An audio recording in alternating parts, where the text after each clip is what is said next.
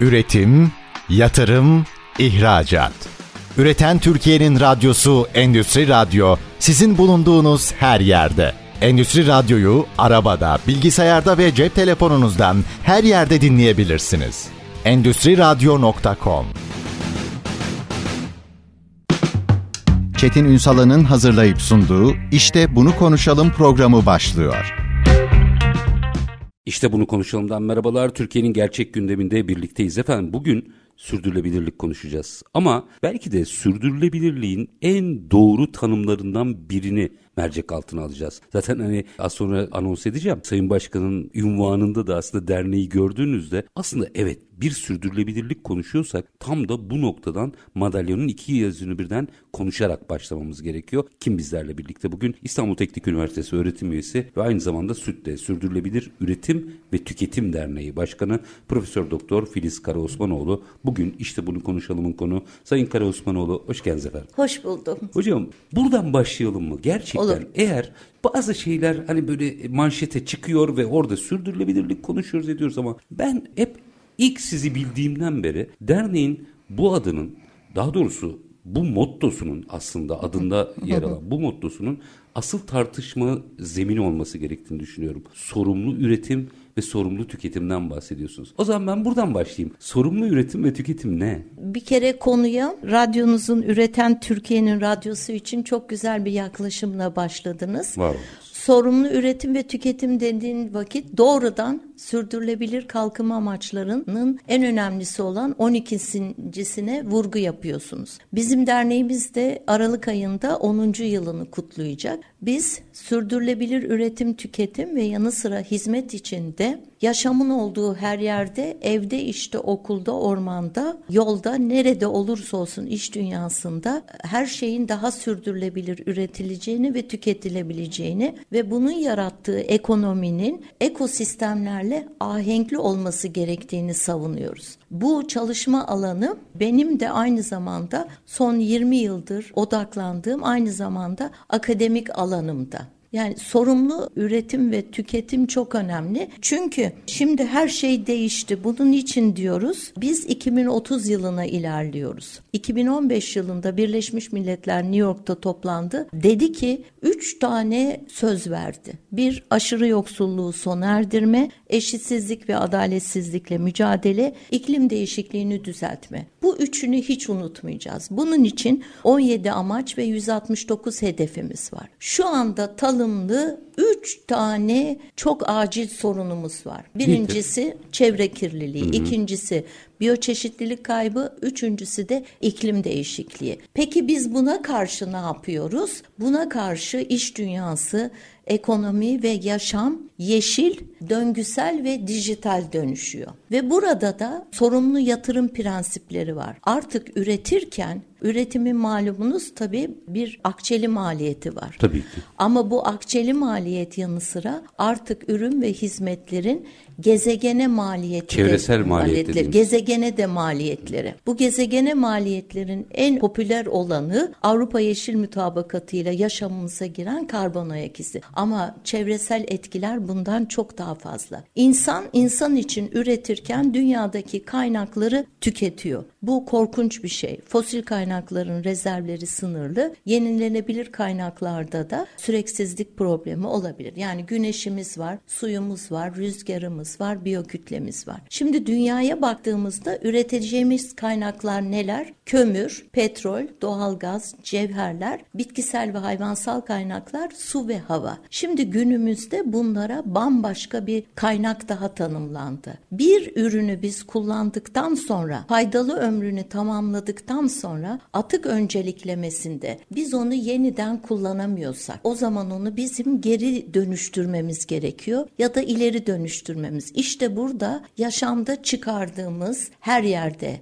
evde, sokakta ve iş dünyasında atıklarda bizim yeni yedinci doğal kaynağımız. İnsanlar üretirken bunların hepsini kaynak verimli kullanmalı. Mevcut en iyi enerji, su, atık yönetimini mevcut en iyi teknolojiyle yapmalı. Burada asıl olan şey bunların bilim ve teknoloji tabanlı olması. Sürdürülebilirlik günümüzde böyle her şeyin önüne getiriliyor. Getirilmemesi lazım. Tek başına da kullanılmaması. Biraz içi boşalıyor hocam. Boşalıyor. Buradaki esas şu. Sürdürülebilirlik kavramının şöyle anlamamız lazım. Bizim doğrudan ve dolaylı kullandığımız bütün kaynaklar bu güzel gezegende. İşte biz bunları tüketirken hem bugündeki refah ve konforumuzu sağlar hem de geleceği düşünürsek yani kaynakları daim kılarsak o zaman sürdürülebilir bir yaşam oluyor. Bunu düşündüğümüzde yani güzel bir kelime diye bu kelimeyi her şeyin yanına olmuyor. Burada bir teknik anlam gizli. Burada insanın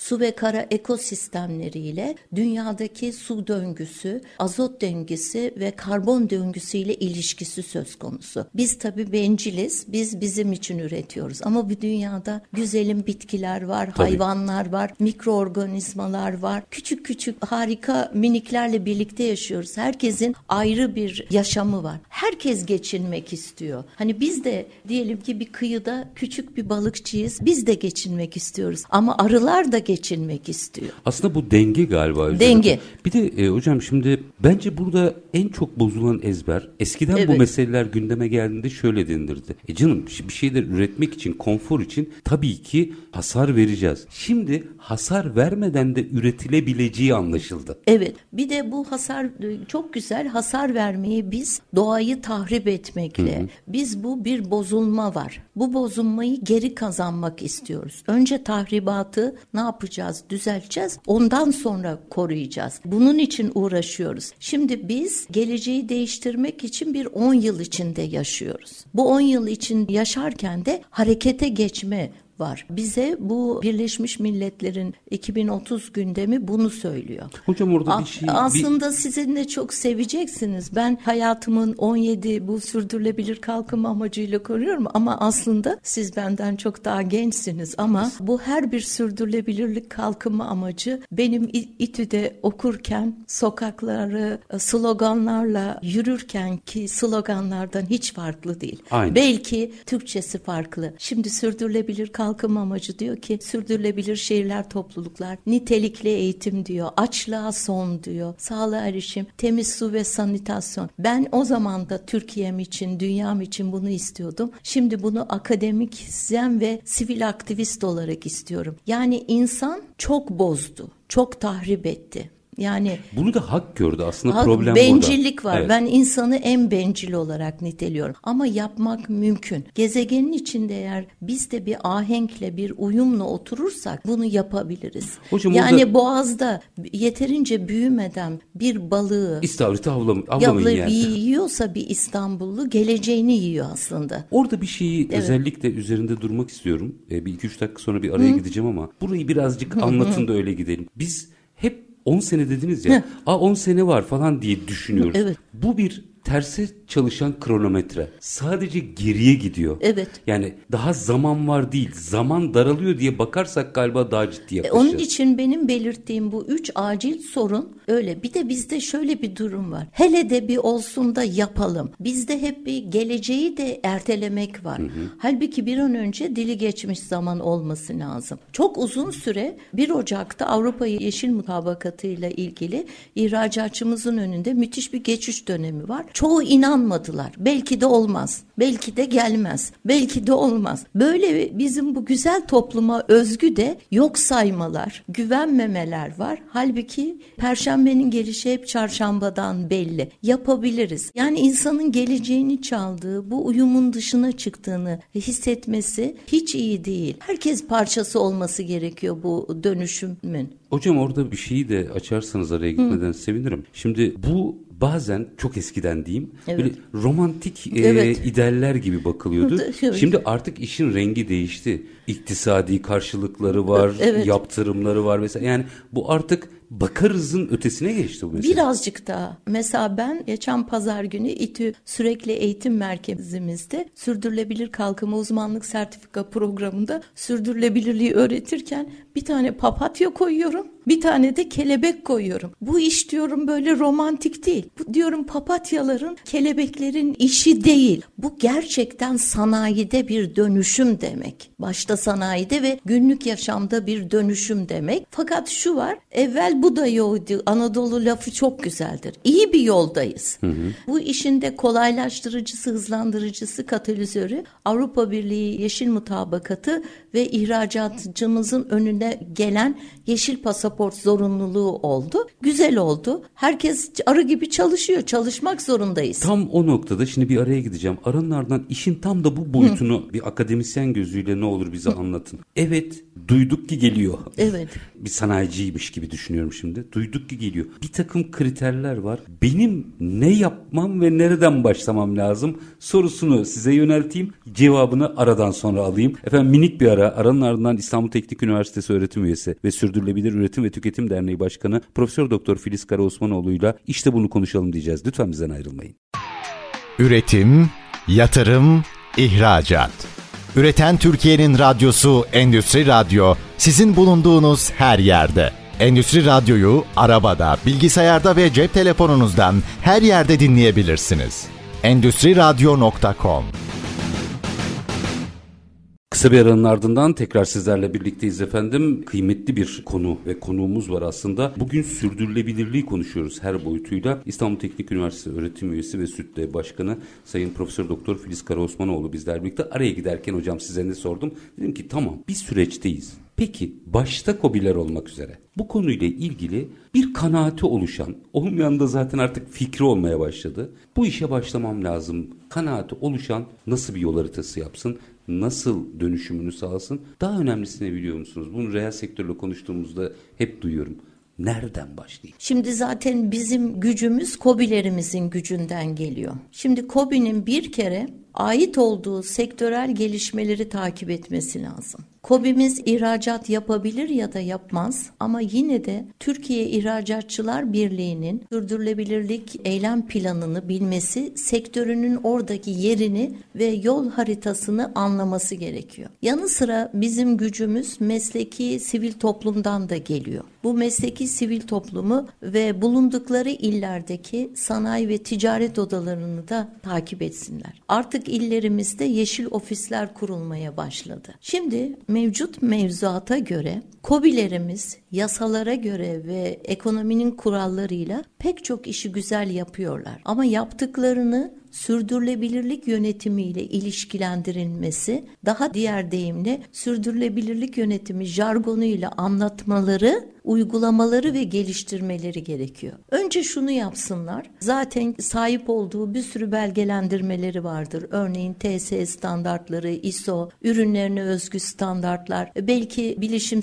sistemi kurmuşlardır, çevre yönetim sistemi, iş sağlığı güvenliği hepsi. Mutlaka akıllı başlı çalışan bir tane elemanlar elemanları vardır. O öyle elemanı hevesli de birisi olması lazım. Ki her şirkette çıkar. Çıkar. Zaten konu güncel. Pek çok meslek sonrası eğitimlerde oluyor. Sonra onu bir sürdürülebilirlik yöneticisi desinler. Önce eğer biraz daha orta düzey üstündeyse sürdürülebilirlik müdürü olabilir. Şimdi bundan sonra kendi sektörünü ve bekleyenleri bildikten sonra üç şeylerini yönetecekler. Aslında bunların önemli bir kısımlarını yapıyorlar ama dilleri ve anlatmaları olacak. Bir çevresel sürdürülebilirlikleri var. Yani çevreye nasıl etki ediyorlar? Sosyal sürdürülebilirlikleri var. Bir de ekonomik sürdürülebilirlikleri var. KOBİ şimdi bunları yaparken bunlarla ilgili bir yola çıkacak. Yola çıkması için bunun bir kere geceden sabaha böyle zıplanan bir şey olmaması olmadığını bilmek lazım. Bu bir yol. Sürekli iyileşme, daha iyiye gitme yolu. Ondan sonra ya kendileri çalışacaklar. Eğer diyelim ki patron firması olabilir, büyük bir kobi olabilir. Daha sonrasında hani halka açılmayı da düşünebilir. Hepsi olabilir. Faaliyet raporu vardır ya da yoktur. Şimdi kendini anlatacak iyi şeyleriyle. Ben çevresel, sosyal, ekonomik neler yapıyorum diye. Bununla çalışırken kendileri uğraşarak da yapabilir. Bir meslek odasından öğrenebilir. Ondan sonra sanayi odasına gider eğitimlere. Her yerde coşmuş bir durumda illerimizde bu etkinlikler. Hele de Marmara bölgesinde, Gaziantep'te öyle. Ondan sonra bir yola çıkacaklar. Bu yolun özelliği aynı medya yönetiminde olduğu gibi 5N 1K ile en güzel anlatılıyor. Ben hmm. dersimde de öyle anlatıyorum. Kim, nerede, nasıl, neyi, nasıl yapıyor? Bütün bu ne? Beşen bir kavga. Beşine soruyorsunuz. Nerede, ne zaman, nasıl? Yani ben diyelim ki ben şimdi bir plastik oyuncak üreticisiyim. Tamam. Ali Beyköy'deyim. Hatta oyuncaklarımın bir kısmını da Almanya'ya ihraç ediyorum. Her şey güzel. Güzel bir duruşum var. Üyeliklerim de var. Ondan sonra hatta olayı takip ediyorum. Plastik sanayicileri araştırma geliştirme eğitim vakfına da üyeyim. Oradaki PAGE'deki durumlara da bakıyoruz. Mezunumuz Yavuz Bey'e selam olsun. Buradan bizden de selam olsun. Ondan sonra e, sonra bir şimdi yola çıkacak. Bir toplantı yapılacak. Ondan sonra burada ben şimdi başlangıçta neleri nasıl yapıyorum? Bir de daha nasıl yaparım? Bugün bir de yarın için hedefleriniz yani Ne durumda olduğunu Bunu, bir tespit edecek evet. ilk önce. Ama burada bu bir performans kontrolü değil. Bu bir iki sarlar birbirine ağırlar olmayacak gerçek olacak. Yeşil boyama yapmayacak yani. Evet. Türkçesi Gerçi, bravo. Gerçekten neyim ben? Örneğin enerji verimliliği yapıyor muyum? Grisi kullanıyor mu? Kaynaklarım nasıl? İş ahlakı var mı? Rüşvetle aram nasıl? Havayı kirletebiliyor muyum? Yani bütün bu durumlarıyla bakıp sonra kurum içi hedefler belirlenecek. Bu hedefler de makul ve yapılabilir olacak. Ben şu kadar şu konularda çalışma yapacağım. Sera gazı salımımı düşüreceğim. Su tüketimimi azaltacağım. Orta düzeyde kadın çalışan oranımı arttıracağım. Gri ve mavi yakalıların içine engellileri şu oranda koyacağım. Sonra hedefler. Kurum içinde ki bu hedefler olacak. Sonra kuralış dışarıya söz verme yapacağız. Nasıl biliyorsunuz yazılım basına düşüyor. Bizim devlerimizin diyor ki üst yöneticileri. Ben 2035'te şunu yapacağım. 30. O ne yapıyor? Bize söz veriyor. Yani aslında taahhüt altına taahhüt yapıyor. Taahhüt yapıyor. Ama bunun çalışması için içeridekilerin çalışması, iç paydaşlar. Bir kuruluş için iç paydaşlar çok önemli müşterilerinde olduğu kadar. Sonra çalışmaya başlayacaklar. Bu aşamada kendileri nakış yapar gibi çalışabilirler. Çok isterlerse hani hizmet alımı da yapabilirler. Şimdi bu yola çıktıkları vakit belgeleme de yapmaya başlıyor. Sonra yavaş yavaş strateji yazmaya bir politika belirleyecekler.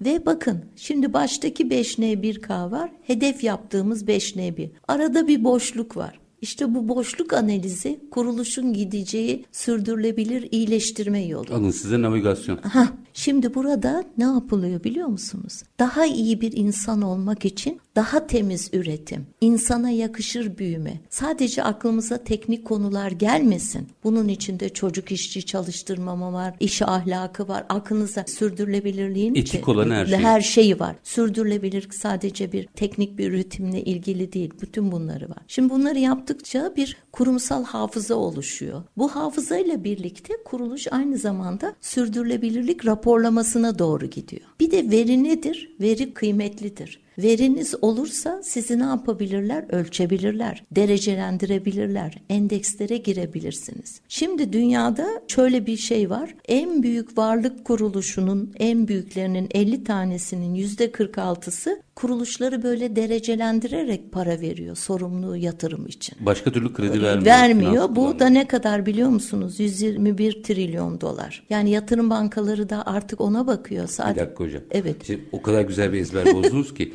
Ya bütün bunları ben yapacağım ama benim etim ne budum ne değil. değil. Hayır buna para bulunabiliyor. Bulabil Aksine yapmazsanız para bulamıyorsunuz. Tabii bir defa bizim kıymetli bizim de ülkemizde yatırım bankalarımız var. Fazla olmadıkları için adını zikredebiliriz. Türkiye Sanayi etmeyin yine Etmeyelim. bence. Türkiye Sanayi Kalkınma Bankası. De diyebiliriz. O yarı kamu sayılır. Yarı ama Kalkınma Yatırım Bankası da tam devlet biliyorsunuz. Doğru, doğru. İkisini de bir yol arkadaşlarımız söyleyelim. Güzide kuruluşlarımız küresel yatırım bankaları var. Dünya Bankası'ndan Türkiye'ye para geliyor. Yani bütün bu bunlardan yararlanmak için artık şunu söylemek lazım. Finansa erişmenin yolu da sürdürülebilirlik yönetiminden geçiyor. Ama bakın bu bir kere değil. KOBİ'miz çalıştı. Hani yaptı. Hepsini belgeledi. Hatta oyuncaklarının ihracat için yaşam döngüsü değerlendirmesini yaptı. Hatta karbon ayak izlerini bile belirledi. Hepsini etiket yaptı. Yeni seçimler yaptı ama bunun bir sürdürülebilir iyileştirme, devamlı gelişme olduğunu unutmayacağız. İş yaşamında biliyorsunuz bir yıl nedir? Üç Hiçbir yıl şey değil. Eğer siz başta 5N1 kanunumuzu doğru yaparsanız sonra yor aldığınızda farkınız belli olur. Gerçi- Hocam orada da yalnız değil. Mesela siz Tabii. de ihracatçılar meclisinde anlatıyorsunuz, ediyorsunuz. Yani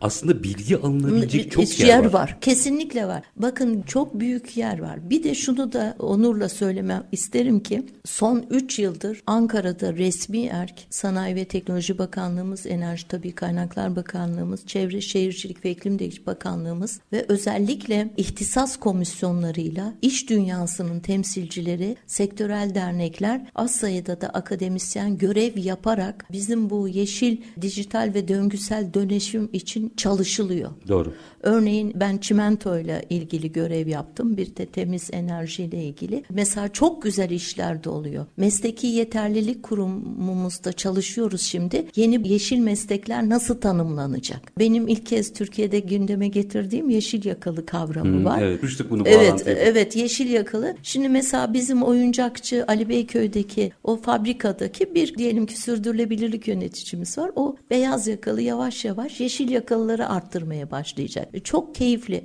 Bir de burada iç paydaşlar, çalışanlar çok memnun oluyorlar. Yani benim kuruluşum üretiyor, kaynakları verimli kullanıyor, gezegene olumsuz etkilerini azaltıyor. Bu verimlilik de sağlıyor. Ve şunu da düşünmek lazım. Hemen insanların aklına geliyor ki bu kaça olur? Kaça olur gibi de şöyle hesaplamak lazım. Şöyle düşünün. Şimdi her yere bir girip bahar temizliği yapar gibi beni şimdi bir fabrikaya soksanız ya da sizin stüdyoları burayı bir Ne bir, bir Tabii. olarak burada ben şimdi ortamı iyileştirme bir sürü şeyi saptayabilirim. Sonra bunların değişiklik yapılması gereklerini saptanılabilir. Bakın kuruluşlar bazen bir ortam iyileştirip daha temiz üretime gider. Bazen ekipmanlar, tasarımlar değişir. Her şey değişir. Bazen biliyor musunuz daha iyisini yapmak için yeni bir tesis kurmak daha ucuza gelir. Tabii mevcudu dönüştürmek. Da, yani bunu şöyle düşünmek lazım. Günümüzde enerjiye erişim çok pahalı. Düşünün kuruluşunuzda enerji verimliliği uyguluyorsunuz. Hocam yenilenebilire geçmezsek daha da pahalı hale Tabii gelecek. tabii tabii. Bizim mutlu ki son 3 yılda da yenilenebilir kaynaklı elektriğin üretim Payı artıyor. payı artıyor. Güneş coştu. Çok harika bir şey bu. Rüzgarla ilgili özel destekler Sayın Bakan açıklamalar yapıyor. Bunların hepsi çok önemli. Ama düşünün bu stüdyoda ya da evinizde ya da otomobilinizdeki enerji verimliliğinin karşısı tamamen akçe. Ve düşünün her enerji verimliliği yaptığınızda kesenize de bereket, dünyaya da bereket. O kadar sera gazı salımına neden olmuyorsunuz. Tam kazan kazan. Kazan kazan bir şey. Bunu anlamak gerekiyor. Onun için bir tüketici satın alma yaparken ya da bir sanayici bir teknik ekipmanı, yönetişimle ilgili herhangi bir şeyi alırken çok verimli olup olmadığına, iyisine bakacağız. Eskilerde bir laf vardı. Benim büyüdüğüm zamanlarda bu güzel Üsküdar'da olmaktan da mutluyum stüdyonuzda. Denirdi ki ucuz mal alacak kadar zengin değil. Bu aslında günümüzde yaşam döngüsü de ömrü uzun, kaliteli. Çünkü bir ürünü ne kadar iyi kullanırsak. Siz para verip kompresör alıyorsunuz. Kompresörünüzü güzel aldınız, çıkma aldınız falan filan derken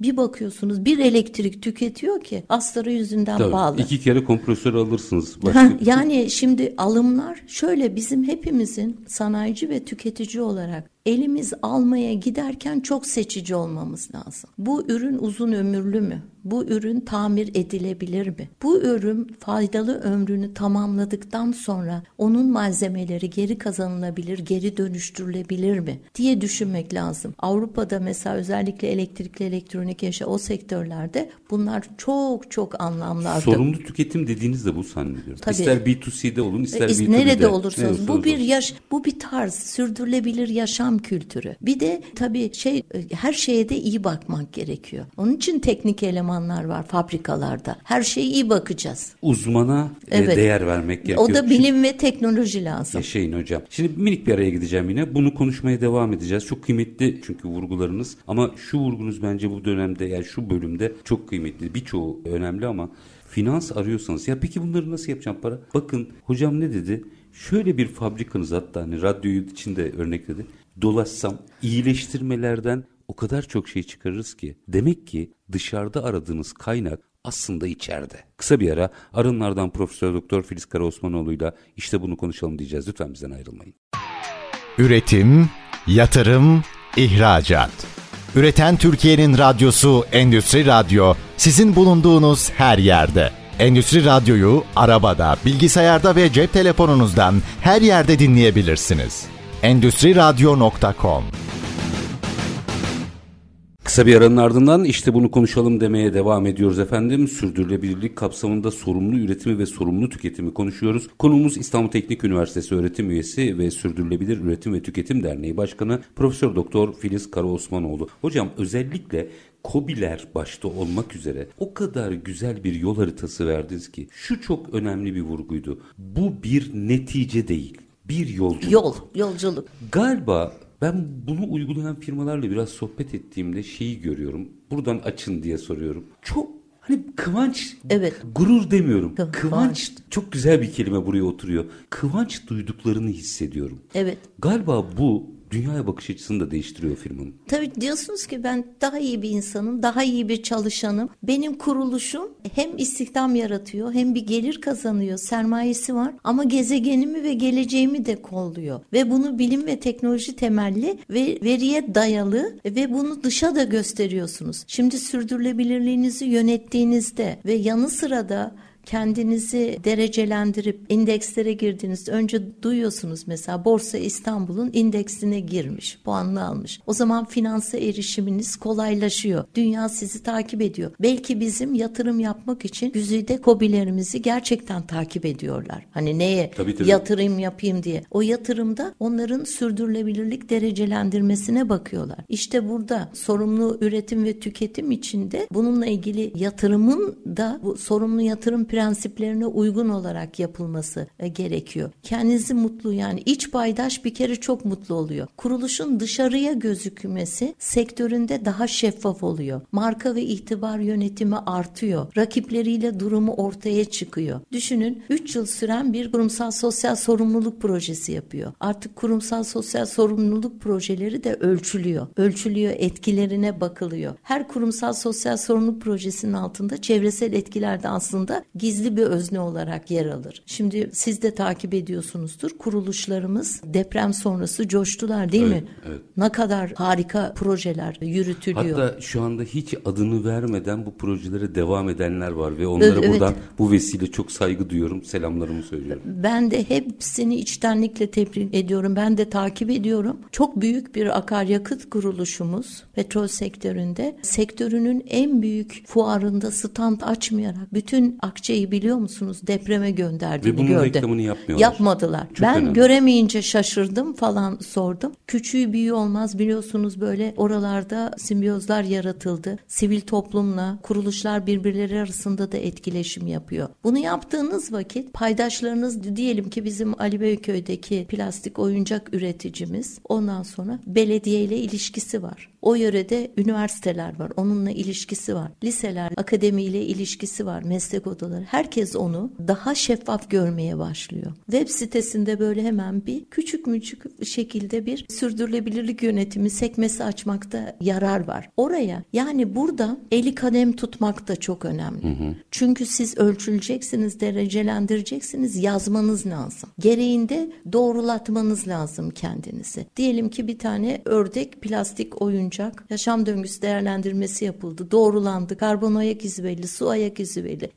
İhracatta öncelik sağlayacak. Bu doğrulatıldı. Düşünebiliyor musunuz? Ya da herhangi bir ürününüze bizim bakanlığımız da veriyor. Eko etiket aldınız. Hemen bunu yaz. Hemen bunu yaz koy. Yani burada iyi yaptığını göstermek esas. Hocam, orada Çünkü sizi oradan takip ediyorlar. Bir şeyi o zaman açalım mı? Evet. Çünkü bu yapılanın ve kanıtlananın Evet. kamuoyuyla paylaşılması gerektiğini düşünüyorum. Kesinlikle. Ama yeşil yıkama olmayacak. Bunu, bunu açmak istiyorum. Şimdi bu, bu çok büyük bir hata. Evet. Ve niye yapmamalılar? Ne olur bize bunu anlatın. Artık biliyor musunuz Avrupa Birliği'nde bu konuyla ilgili Doğru. yasal süreç ilerledi. İki tane marka çok büyük cezalar aldılar. Türkiye'de de biliyorsunuz bu konuyla rekabet grubumuz var, reklamla ilgili şeyler var. Kelimenin tam anlamıyla yeşil yıkama şu demek. Aslında kuruluş kendisi ya da ürünleriyle ilgili hiçbir çevresel kaygısı, insana dair hiçbir kaygısı, endişesi yok ama sanki varmış gibi, yeşilmişik gibi diyor. Ben hep şeyle anlatıyorum. Yeşilmişik bir tek yeni türkünün şarkısında Tabii. güzel. Yani ötesi yok bunun. Yeşil böyle sürdürülebilirlik gibi her şeyin önüne konulması gereken bir tanım, bir sıfat değil. Neyi diyoruz genel olarak? Yeşil ekonominin genel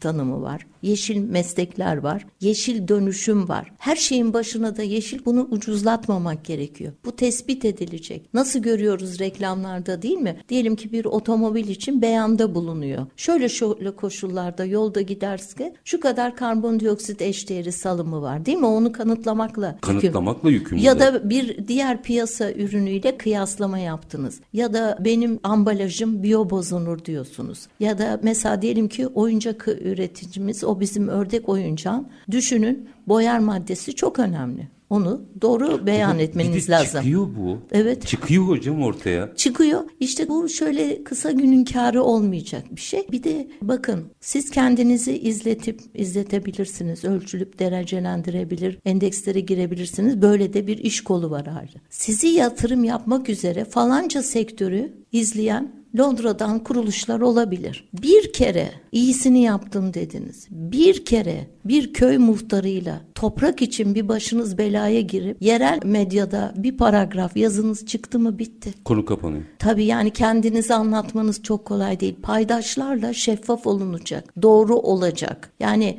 onun için böyle ben yapıyorum, üretiyorum, satıyorum, ihraç ediyorum. Yok böyle bir şey. Bunların hepsi çıkıyor. Yani biliyorsunuz Türkçemizde yine güzel bir laf var. Sarımsağı gelin etmişler. 40 gün sonra kokusu Kokusu çıkmış. kendini süslemiş kavuyla beyaz hoş bir gelin ya, yapmış etmiş. Yaşayın hocam. Yani bu, bu, bu çıkar. Çünkü bunlar çok e, belirli şeyler. E, düşünün iş yerinde iş ahlakınız eksik. Yazar birisi ayrılır. Biliyorsunuz açık kaynaklar dolu. Doğru, Şu doğru. firmada başıma Konu bu biter. biter. Onun için şeffaflık, hesap verilebilirlik, gerçekçilik ama en önemlisi de hem üst yönetimin herkesin bunu işi sahiplenmesi. Sahiplenmeden çok yapmacık olur. Hocam bunu bir standart olarak görmekten çok şimdi tamam Evet. bir takım mutabakat vesaire geçtik ama galiba bir yaşam şekli Tarzı. haline çevirmek Tabii- lazım. Tabii ben zaten hem sivil aktivist hem bir akademisyen hem de bir, birkaç tane yazmaya çalışan bir yazar olarak da bunu ben sürdürülebilir yaşam kültürü diye anlatıyorum. Ve ben hep bu, çok şöyle üzülüyorum. Ben bir gezgin olarak Orta Asya'yı falan gördüğüm vakit nasıl bir yerden geldiğimizi gördüm. Yani biz İslamiyet öncesi zaten doğayla nasıl uyumluyduk? Yer tanrı, gök tanrı, bizim yani bir Hıdırlez'i düşünün. Ondan sonra belli bir ağırlığın üstünde ata binmiyor. Orta Asya'da ata binilmiyor. Yani hayvana, insana, çiçeğe, böceğe davranışı düşünün. E şimdi bizim kültürümüzde bu var zaten. Ama giderek tüketim toplumuyla birlikte bu oldu.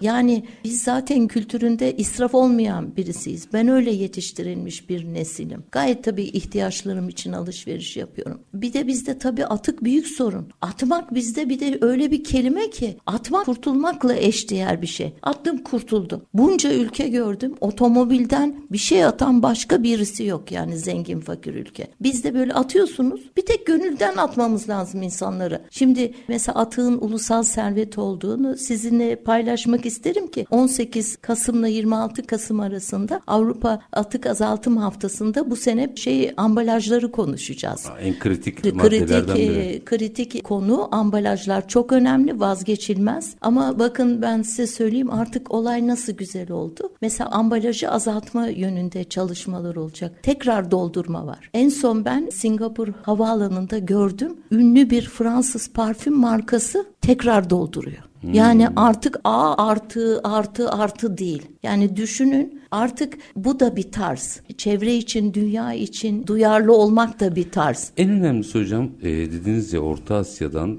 bugüne, Buraya, bugüne evet, kadar evet. bizde hep bu düstur vardı zaten. Evet, evet. Yani yıllar geçti, kültürler değişti, bu düstur vardı. Sadece hatırlamamız gerekiyor. Evet. Burada bir şey sor- Aslımıza döneceğiz. yaşayın. Bir şey soracağım. 3 dakikam var. Siz şimdi bir taraftan işte sanayicilerle yani akademik kimliğinizle birlikte iki tarafla da konuşuyorsunuz. Evet. Sanayiciyle de, tüketiciyle de hatta sanayi içindeki B2B alandaki tüketicilerle Evet. bunları anlatıyorsunuz.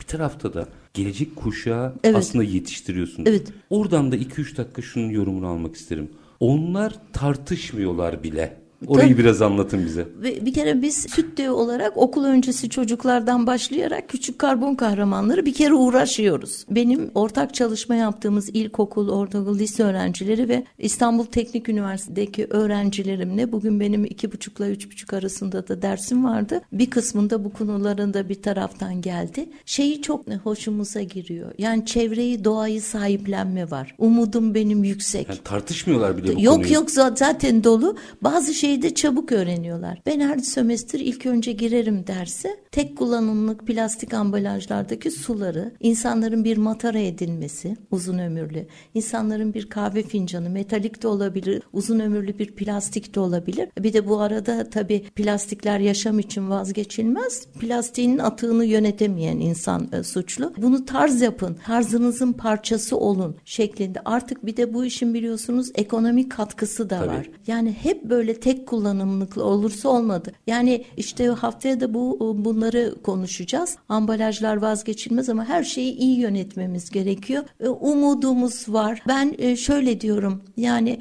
şöyle insanın kendi enerjisine, çevresine, iklimine, sağlığına iyi bakması lazım. Yaptığı görevde de iyi insan olması lazım. İnsan hem iyi bir yurttaş olmalı, iyi bir çalışan olmalı ve ondan sonra mutlu olabilirsiniz. Yaşam sürdürülebilir olmalı. Bunun şeyi sizin kelimenizi bundan sonra da satın aldım, kullanacağım. Bunun insana getirdiği kıvanç, güzel bir Türkçe kelimeyi de Var ben olun. size armağan ediyorum. Gönenç Gönenç.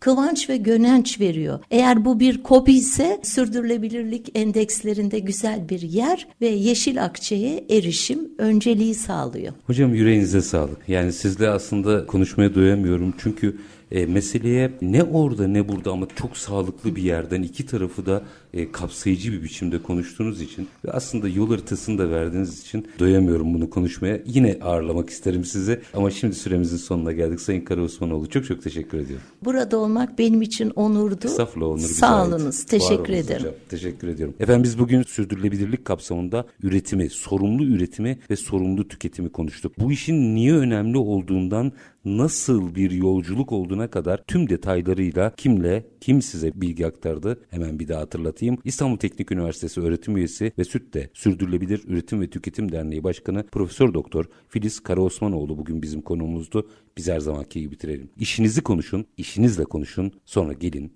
işte bunu konuşalım. Hoşçakalın efendim.